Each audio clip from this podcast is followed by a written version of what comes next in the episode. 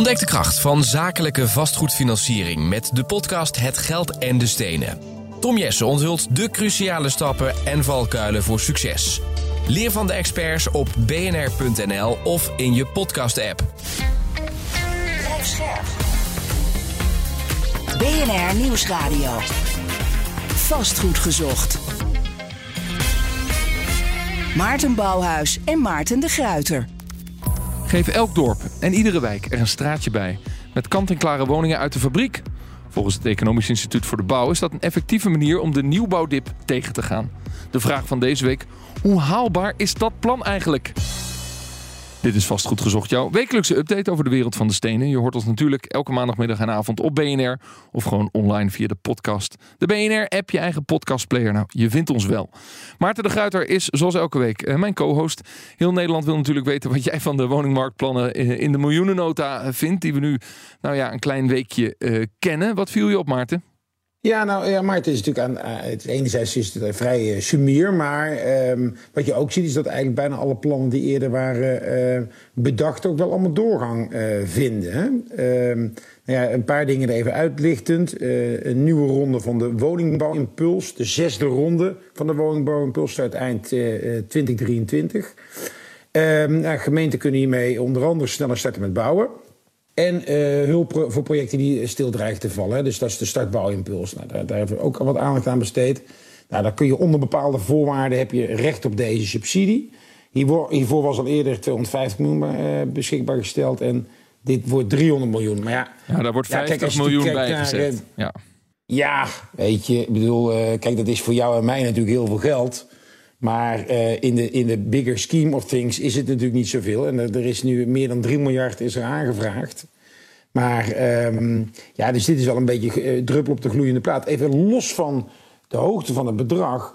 Ja, waar wij toch wel in de markt erg bang voor zijn, is toch ook wel weer de weerwar aan regels. Wat, wat altijd zo jammer is, wat als wij iets bedenken in Nederland wat iets moet helpen of iets op gang moet brengen, dan zijn we met name altijd waanzinnig bang dat er iemand toch is die hier onbedoeld geld aan gaat verdienen. Daar zijn we banger voor dan zeg maar het algehele belang van gewoon iets op te kunnen starten. En dat is eigenlijk bij alles wat er, hè, waarvoor we geld beschikbaar stellen. dit is ook weer een goed voorbeeld. Ja, op een gegeven moment worden er zoveel regeltjes aangekoppeld. En eigenlijk, wat je natuurlijk eigenlijk zou willen, is je zou iets willen bedenken wat gewoon overnight ingevoerd kan worden.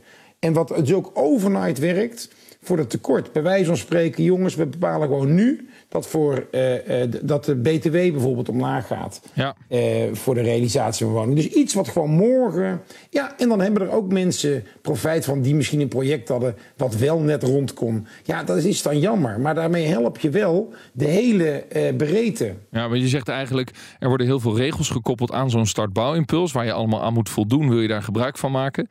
En, en dat maakt het ook weer ingewikkeld om het echt een startbouwimpuls te noemen. Is dat wat je zegt? Dat is precies wat ik zeg. Dus ik denk dat het, dat het, het verzand, de angst is een beetje dat je natuurlijk verzandt in dat het moet voldoen aan zoveel eisen. Dat het weer heel lang gaat duren voordat bijvoorbeeld zo'n impuls ook daadwerkelijk wordt uitgekeerd. De, de, kern, van de, start, de kern van de startbouwimpuls is dat je per woning maximaal 12.000, 12.500 euro uh, kunt krijgen om, laten we zeggen, een soort van onrendabele top te financieren. Uh, dat heeft dan ook te maken met uh, de hoge bouwkosten die we op dit moment hebben. Uh, nou ja, rente, inflatie. Al, al, die redenen waarom, het, waarom de business case voor ontwikkelaars ingewikkeld is geworden. Dat is wat men wil. Dan ja. zegt men, er, we zetten er 50 miljoen bij. En hoeveel is dat nou op het, op het hele verhaal van een aantal van 100.000 woningen wat we per jaar willen bouwen? Weet de markt eigenlijk of die 50 miljoen iets gaat doen voor ze? Nee, ja, ja, kijk, als, als, een woning gemiddeld uh, 3,5 ton, 4 ton kost, nou ja, dan, uh, dan weet je dat dat natuurlijk een druppel op de gloeiende plaat is. Als je uiteindelijk naar die uh, 900.000 of wat is het, een miljoen woningen moet komen. Dus, en, en als je dan ook kijkt naar het, waar wij het natuurlijk heel vaak over hebben de laatste tijd in dit programma, is dat natuurlijk eigenlijk gewoon alles stil is gevallen. Het is niet zo van god een paar projectjes, nee, eigenlijk alles. Dus ja, dan wordt het natuurlijk met 300 miljoen aan subsidie wordt het denk ik heel ingewikkeld. Het is, begrijp me niet verkeerd. Hè. Ik vind het hartstikke goed dat, dat dit gebeurt. Hè. Dus, en ik vind het, dit is een van de goede dingen ook die, die, die Hugo de Jong heeft gedaan. Maar um, ja, het is natuurlijk, het is wel een druppel op de gloeiende plaat. Het zal net een paar projecten wellicht helpen. Terwijl ik denk dat je natuurlijk toch uiteindelijk moet proberen iets moet verzinnen wat veel generieker is en Ja. wat, wat ook overnight is in te voeren. Ja, wat er overeind blijft tot slot is dat het kabinet vasthoudt aan 980.000 woningen in 2030. Nou, 2030 komt steeds dichterbij. En hiervan moet eh, eh, twee derde betaalbaar zijn voor mensen met een laag of middeninkomen. Hè. Dan komen we weer op die 40, 40, 20 of eh 40, 30, 30 eh, regelingen. Eh, is dat nou reëel of is dat een soort van wensdenken wat de overheid, of in dit geval de regering, dan maar weer opschrijft? Ja, we hopen echt dat dat lukt. Ja, zoals je hebben alle data eh, in ogenschouw neemt, is het natuurlijk wensdenken. Want we gaan er zijn alleen maar minder aan het bouwen. En wat er nu nog gebouwd wordt, ja, dat is in een andere tijd eh, eh, bedacht en eh, eh, zijn er plannen voor gemaakt. Dus ja, ik denk wel dat het echt wensdenken is. Kijk, en, en wat, eh, eh, in welk segment ze precies, vallen, dat, dat, dat vind ik nog niet eens zo belangrijk. Er moet gewoon gebouwd worden. Hè. Daar hebben we het natuurlijk ook al eerder over gehad. Dat iedere, eh, iedere woning, iedere verhuizing, eh, is een hele keten zet dat in gang van verhuizingen. Dus ja, op dit moment moet je natuurlijk gewoon bouwen wat, wat uit kan. En daar heeft, is uiteindelijk iedereen bij geholpen. Vastgoed gezocht. De woningnood lijkt een haast eh, onmogelijk op te lossen probleem. Nou, Maarten en ik hebben het er al over. Maar daar denken ze bij Van Wijnen toch echt anders over. Het bouwbedrijf is bezig met een waar charme-offensief onder het motto... elk dorp en iedere wijk een straatje erbij. En bij mij is eh, Mark Denslager van bouwbedrijf Van Wijnen. Van harte welkom. Dankjewel. Eh, ja, op de eerste plaats, hoe gaat het met de bouwproductie? Want ja, Maarten en ik hebben het erover. We moeten een beetje opschalen. Precies. Nou, op zich eh, gaat het eh, redelijk goed eh, met Van Wijnen. Afgelopen jaar, 2022, hebben we een eh, record netto omzet gedraaid van ruim 1,3 miljard euro. Eh, maar dan de, de verkoopprijzen eh, en laten we zeggen de kosten die je hebt... eh, dat kunnen jullie nog onder controle houden. We zitten vooral in het betaalbare segment. Ja. Nou, en, en daar gaat het, eh, gaat het redelijk tot goed. Oké, Maarten? Ja, nou, een record omzet, dat is natuurlijk hartstikke mooi. Maar dat is, dat is natuurlijk met deze prijzen is dat, eh, logisch. Maar is, hoe zit het dan? Is het ook een record winst? We hebben een gezonde winst, eh, maar we investeren eh, eh, veel in innovatie op dit moment van onze winst. Jullie pleiten voor een straatje erbij. Wat bedoel je daarmee? Nou, het EIB heeft een onderzoek gedaan. Eh, die heeft gezegd, eh, gesteld dat als, Economisch Instituut voor de Bouw. Ja. correct. Die heeft gezegd van nou, in elk dorp of gemeente een, stra- een straatje erbij. Dat zou een mooie, mooie kans zien. Nou, iemand moet die handschoen oppakken. En wij als bouwbedrijf hebben gezien van nou, laten we kijken of het haalbaar is. ja, dat begrijp ik. Maar eh, dit is zo logisch. En dit doen we ook al heel lang. Want er zijn best wel veel dorpen waar één of twee straatjes erbij worden gebouwd. Waarom zou dat nou de oplossing van het, van het woningtekort in één keer kunnen zijn? De oplossing is een groot woord. Maar we moeten natuurlijk wel kijken, als eigenlijk de hele sector, naar welke oplossingen zijn er allemaal. En dan is het er niet eentje, maar er zijn het er heel veel. En eh, nou, wij zien hier wel een, een oplossing in. Ja, maar het is pas een oplossing als het ook in elk dorp of elke wijk gebeurt. Want anders eh, eh, zet het denk ik toch te weinig zoden aan de dijk. Wel, als je het als enige oplossing ziet. Kijk, er kan dan natuurlijk nog veel meer. Hè? We, we hebben natuurlijk nog steeds eh, traditionele bouw. We kunnen woning splitsen. We kunnen optoppen. Er zijn heel veel kansen eigenlijk in Nederland om, de, om te pakken. Ja, maar heb je dan uitgerekend wat het kan doen? Hè? Want ik noemde net dat getal van meer dan 400.000 woningen tekort. En die 980.000 die we tot 2030 willen ontwikkelen. Wat, wat kan dit betekenen als je uitvoert zoals jullie het voor je zien? eh, In elke wijk of dorp een straatje erbij. Er zijn ongeveer 2.500 gemeenten en dorpen in Nederland.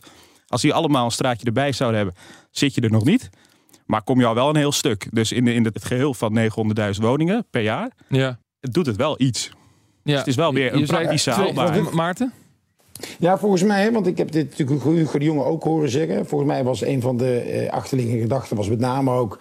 Ja, dat overal natuurlijk iedereen maar overal tegen is. Terwijl als je natuurlijk gewoon heel simpel nadenkt... en in theorie overal een straatje erbij, dan zou je er zijn. En dat, precies wat jij net zegt, Maarten. Ja, het gaat natuurlijk juist om dat iedereen al meedoet. Want dat is natuurlijk het hele idee, als de helft niet meedoet.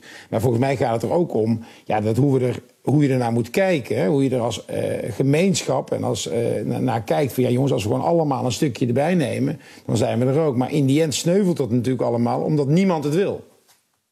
Ja, merk je dat als projectontwikkelaar zo scherp? Dat als je met dit soort ideeën komt, dat, dat er direct weerstand is voor ergens een straatje erbij?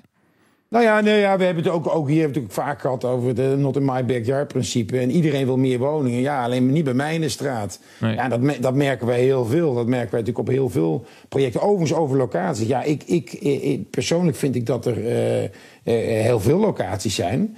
Eh, alleen ja, eh, de projecten komen niet van de grond. Nee, het gaat dus om kleine projecten, 10 tot 20 eh, eh, woningen, Mark. Eh, maar goed, maken we dan niet heel veel, eh, ehm, maken we niet veel meer impact als we grote projecten gaan realiseren? Of zeg je van ja, daar praten we dus te lang over? Wat, wat, wat, Misschien is het en-en.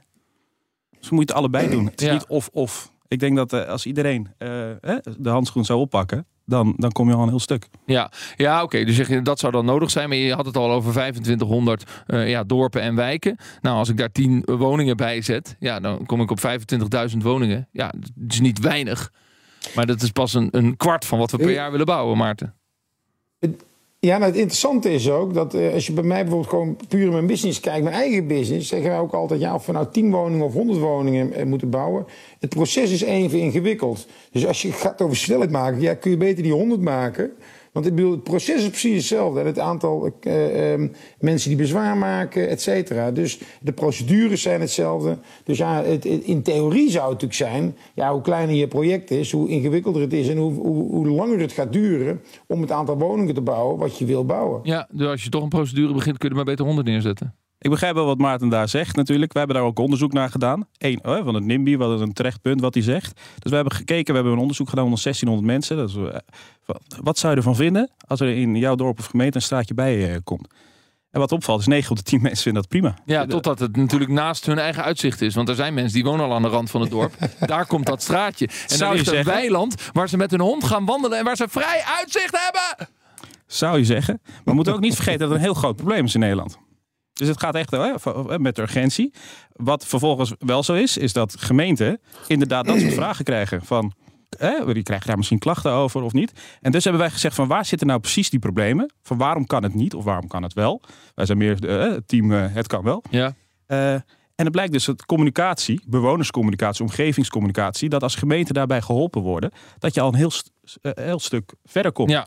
Ja. Een van de dingen die we dan kunnen aanbieden. Er zijn natuurlijk ook procedurele werkzaamheden die moeten gebeuren. Die gemeentes moeten doen. Daarvan uh, zeggen we ook vaak in dit programma. Er is een tekort aan ambtenaren die dat kunnen. Nemen jullie dat ook over? Klopt, klopt. Dus we hebben eigenlijk hè, een straatje erbij. Kijk, er zijn meer partijen die een, een, een, mooie straat erbij kunnen bouwen.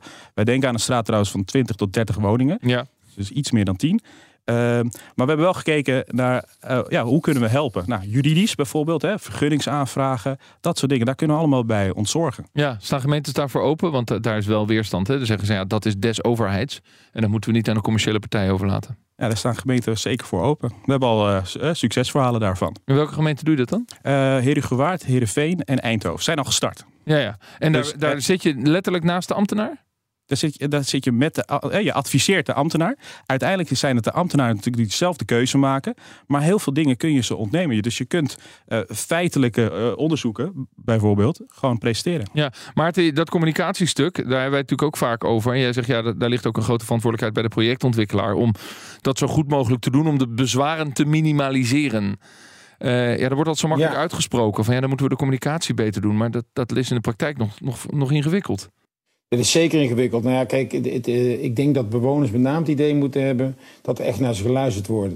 En uh, dat betekent dus ook dat je bereid moet zijn om je project bijvoorbeeld of je plan gewoon aan te passen. Dat mensen zien dat er ook wat mee wordt gedaan. Ja, wij hebben zelf onze eigen ervaring is dat plannen ook uh, vaak beter zijn geworden door inspraak van bewoners. En op het moment dat ze na een avond komen en denken, ja, ik sta hier voor een voldongen feit, fait accompli, dan, dan gaan ze natuurlijk met de hak in het zand. Dus ik denk dat daar heel veel mee te winnen is. Ja, dan moet je het er zo opbouwen dat ze ook daadwerkelijk nog kunnen, uh, kunnen draaien aan het plan. Nou, we vinden het wel belangrijk dat het draagvlak is, inderdaad. Ja, dat is nog wat anders dan, dan, dat, dan dat de bewoners ook, bewoners ook invloed hebben. Ja, ergens, kijk, onze aanpak, de snel thuis aanpak, zoals we die dan noemen, is wel gebaseerd op dat binnen een jaar kan. Hè, er is een groot probleem in Nederland, dus we kunnen het niet, uh, of tenminste, doen we ook, uh, maar heel lang de tijd daarvoor uittrekken. Het grote probleem van het is het, dat het een groot probleem is, dat is dat het, dat ligt bij mensen die geen huis hebben. En de mensen die uh, bezwaar maken, dat zijn mensen die al een huis hebben. En die lezen er wel over en die hebben wel een neefje of een nichtje die een probleem hebben. Maar die zitten gewoon in hun eigen huis en die zien het echt als een probleem en die lezen het in koeienletters in de Telegraaf. Maar zodra dit, dat straatje erbij komt, of welk project dan ook, dan is het toch ineens bij hun in de straat. En dan is het ineens niet meer een landelijk probleem, dan is het ineens hun eigen probleem. Uh, en dan dus gaan toch de hakken in het zand. Ja, natuurlijk. En dan wordt het ineens bezwaar maken. Dan is het ineens toch, ja, dan is je eigen, je eigen uh, uh, plezier in je straatje gaat dan toch boven het grote probleem. Dus ja. ik vind wel, we moeten altijd uitkijken met zeggen van ja, we, we, hebben een groot probleem in Nederland. Ja, dat hebben we ook. Maar de individuele eh, eh, eh, huizenbezitter of bewoner, ja, die kijkt daar als het puntje bij het paaltje komt toch regelmatig anders tegenaan. Ja, en je noemt dat we hebben ook een aanpak dat het binnen een jaar kan, Mark. Klopt, klopt. Want dat lijkt me extra uitdagend met, dit- met dit gegeven. Nou, sowieso, om toch nog even daarop terug te komen. We hebben onderzoek gedaan, hè, Maarten, naar wat jij zegt. Van vinden mensen dat een groot probleem? En het blijkt dus dat mensen dat geen groot probleem vinden in hun dorp. Dus het hangt er wel vanaf waar je dan bent. Je ziet bijvoorbeeld ook dat als het in een dorp is, bijvoorbeeld, waar misschien niet zo heel veel gebeurt, dat die daar heel erg voor openstaan dat er wat beweging komt in een dorp. Alleen kleine dorpen, we, we hebben, we hebben 344 gemeenten benaderd Ja. met, met, met voorstel. En met aanbod, zou je kunnen, kunnen zeggen. En die zijn erg enthousiast.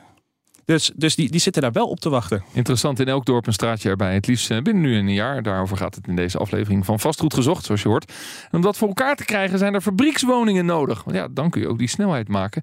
Nou, eh, vanzelfsprekend, dat dachten jullie al. Van Wijnen eh, heeft zo'n fabriek. Daar willen we straks meer over horen. Maar eerst eens even de feiten op een rij door collega John van Schagen. 150 miljoen euro. Oftewel 5 tot 6 keer de jaarwinst. Zoveel kostte de nieuwe woningfabriek van Van Wijnen in Heerenveen. Vorig jaar werd die opgeleverd. Hier worden huizen als Lego-steentjes in elkaar gezet. Nu nog maar één per dag, maar uiteindelijk wil het bedrijf naar een dagelijkse productie van 15. En dat betekent dus 4000 woningen per jaar die dan uit de fabriek komen rollen. En nee, dat zijn geen eenheidsworsten, zo bezweren ze bij Van Wijnen. Het is als het configureren van een nieuwe auto, waarbij je allerlei opties aanklikt. Zo kun je bij deze fabriekswoningen bijvoorbeeld kiezen uit verschillende voordeuren en zelfs compleet andere gevels. Het bedrijf stelt dat het voor 175.000 euro een woning kan leveren. En Van Wijnen is natuurlijk niet de enige bouwer die inzet op prefab. Zo nam Heijmans eerder dit jaar een houtskeletbouwfabriek over. En in Dokkum draait de productiefaciliteit van Dijkstra Drijsma al een poosje op volle toeren. Hier worden in serie en bijna volledig automatisch huizen, scholen en kantoren gebouwd. Op de bouwplaats worden de elementen in elkaar gezet. Badkamers, wc's, radiatoren, keukens, die zitten er allemaal al in. Ja, het is echt een nieuwe tijd. Eh, Mark Denslager van Van Wijnen is hier om daarover te praten. Eh, al voor mensen die nog nooit in zo'n prefab fabriek geweest zijn. En dat geldt voor, onze meeste, voor de meeste van onze luisteraars. Hoe ziet dat eruit? Eh, dus stel je voor je loopt naar binnen. Ik denk dat het ongeveer eh, drie, vier voetbalvelden groot is. Redelijk weinig mensen zie je om je heen. Dus normaal is een fabriek misschien heel actief. Hier zijn ongeveer 50 mensen eh, maximaal. En je moet je ook fluisteren, begrijp ik. Nee, ga door. ja, Nee, en, en, en, en veel, en veel geluid van machines. Eh, dus- Robots. Robots, correct. Dus je- die zijn aan het werk. Het is een En eh, maak je houtskelet of maak je beton? beton. De, de duurzaamheidsslag naar hout, die, die moeten we nog maken. Nou, we gaan voor kwaliteit. Ja, dat Eh, zit niet in hout. Eh daar zit misschien ook inhoud. Eh, kijk, het is en-en. Ja, oké. Eh, eh, eh, andere discussie. Maar er is nog steeds heel veel vraag naar beton. Ja. eh, vanwege de kwaliteit. Ja. En de robots maken dus betonnen muren en betonnen gevels. En, en, en zorgen dat als daar een radiator aan moet, dat de, dat de robot de radiator eraan plakt. Zo kan je het zien. Er is een soort carouselprincipe. Dus er zijn heel veel platen. Ongeveer één plaat is zeg 5, 5 meter bij 15 meter breed ongeveer. En in het begin eh, kan een, een, een klant een, via een app eh, kiezen wat voor huis hij wil. En vervolgens gaat die robot dat maken. Dus dat begint met een, met een stalen frame, zou je het kunnen zeggen. Een Ja. mal. Ja. En vervolgens gaat die mal door de fabriek heen. Eh, staal, eh, het stalen frame, zeg Ja. maar, eh, komt erin. De bewapening. Die wordt op de centimeter nauwkeurig afgemeten. Dus er wordt echt niks verspild. En vervolgens wordt dat het frame. Daar komen de leidingen in. Hangt vanaf of het vloeren, wanden zijn bijvoorbeeld. Maar dat kan allemaal fabrieksmatig en dus robotwise gebeuren. Precies. En er zijn operators die dat dan draaien. Maar heb je wel zo'n zo'n woning besteld voor een project? Nee, niet. Maar dat, eh, wij- wij, bouwen ook niet veel van dit soort. eh, we hebben niet veel van dit soort projecten. Een vraagje nog even was: eh, hoeveel eh, ehm, variatie kunnen jullie nog aanbrengen in de gevel, zeg maar in de uitstraling van, het, van de woning? Ongelooflijk veel. Hoeveel variaties zou je willen hebben? Ja, laat ik zeggen, die, die- je ook meteen kan zien. Hè? Ik bedoel, ik kan me voorstellen dat het heel details op detailniveau, maar dat, dat zie je niet van vij- hè, 100 meter afstand, zal ik maar zeggen. Ja, wij zeggen miljoenen variaties. We zijn op een gegeven moment gestopt met tellen. Maar er kan eigenlijk heel veel. Van kleuren, tegels eh, die naar voren komen. Of tegelstenen die naar voren komen. Of naar achter zitten. Er zit Maar diepte dat kan in. ook in één rijtje. Want als jij dus in mijn eh, eh, dorp drie rijtjes erbij zet, ja, dan willen we dus geen eenheidsrijtjes, zoals in de jaren tachtig. Maar we willen een beetje diversiteit. Wat ons betreft is die, uh, die eenheid die jij zegt, hè, verleden tijd, dat hoeft niet meer. Uh, dat komt omdat we het betaalbaar hebben gemaakt. Maar een van de belangrijkste voorwaarden was dat er wel veel variatie moest zijn. Dus als stel je voor je gaat naar Lelystad, daar we zijn nu bezig met een project, dan is geen enkele woning hetzelfde. Ja, uh, dit wil je natuurlijk opschalen, hè, want het gaat nu over een woning per dag, maar het moeten er veel meer worden. Wat is daar het lastigste in? In het opschalen, nou ja, ja, dat je dus geen concessies kan doen aan de kwaliteit. Hè? Dus dat je wel voorzichtig moet opschalen. Want als je er nu twee of drie per dag gaat maken, dan gaat de kwaliteit naar beneden. Nou, je kan dus bijvoorbeeld heel snel, uh, heel snel uh, pieken. Maar wij vinden het belangrijk dat dat vooral heel zorgvuldig uh, gebeurt. En dat die kwaliteit, dat dat behouden blijft. En als we over tien jaar naar de woningbouwproductie kijken, van laten we zeggen um, um, corporatiewoningen en middenhuur, middenkoopwoningen. Hoeveel, hoeveel daarvan komen dan uit de Nederlandse fabrieken, denk jij? Ja, dat is lastig zeggen voor anderen. Wij kunnen 4000 woningen per jaar op termijn uh, vanuit de fabriek halen. Ja, maar goed, vanuit deze fabriek. Maarten, we willen er 100.000 per jaar bouwen. Dus er moeten er ook nog heel veel op de bouwplaats worden gemaakt. Zeker, en ik denk, maar ik denk dat dit, kijk, dit is wel een, gedeelte van de toekomst natuurlijk. Hè. Het is niet voor niets dat alle grote bouwondernemingen hiermee bezig zijn. Kijk, prefab is natuurlijk niks nieuws. Wat, het, stukje wat we net al even in de, pauze of in het tussenstuk hoorden, was over bijvoorbeeld badkamers, et cetera. Ja, dat, dat gebeurt dus zeg maar al 15 of 20 jaar. Hè. Dat hele badkamers gewoon zo voep, naar binnen worden geschoven. Ja. Dus, dus en dit is natuurlijk de, eigenlijk de volgende stap. En dat is natuurlijk wel de toekomst. Het is, het is één van de dingen. Hè. Want als Van Wijnen de 4000 doet, ja, laten we nou nog eens even 5, 6 grote ondernemingen, bouwondernemingen zijn. Ja, dan ben je er nog niet, maar je bent al wel een heel eind. Maar aan de andere kant, ja, er zijn natuurlijk ook nog heel veel. Eh, de, de, de bouwondernemingen zijn natuurlijk wat traag hè, in, het, in het aanpassen aan de tijd. Maar ik denk dat overheden dat ook zijn. Want ja, ik denk dat ook bijvoorbeeld uh, stedenbouwkundigen uh, um, uh, of gemeentes het ook best wel moeilijk vinden om ja, dit soort woningen neer te zetten. Ja, en architecten, vinden die het leuk om dit te tekenen? Of zien ze daar geen uitdaging in? We hebben het gevraagd. Wat ze zijn er heel enthousiast over. Er kan eigenlijk veel meer dan uh, wat je nu ziet in, uh, in bestaande bouw. Ja, nou, dan de laatste puzzel die je nog moet oplossen is die duurzaamheid.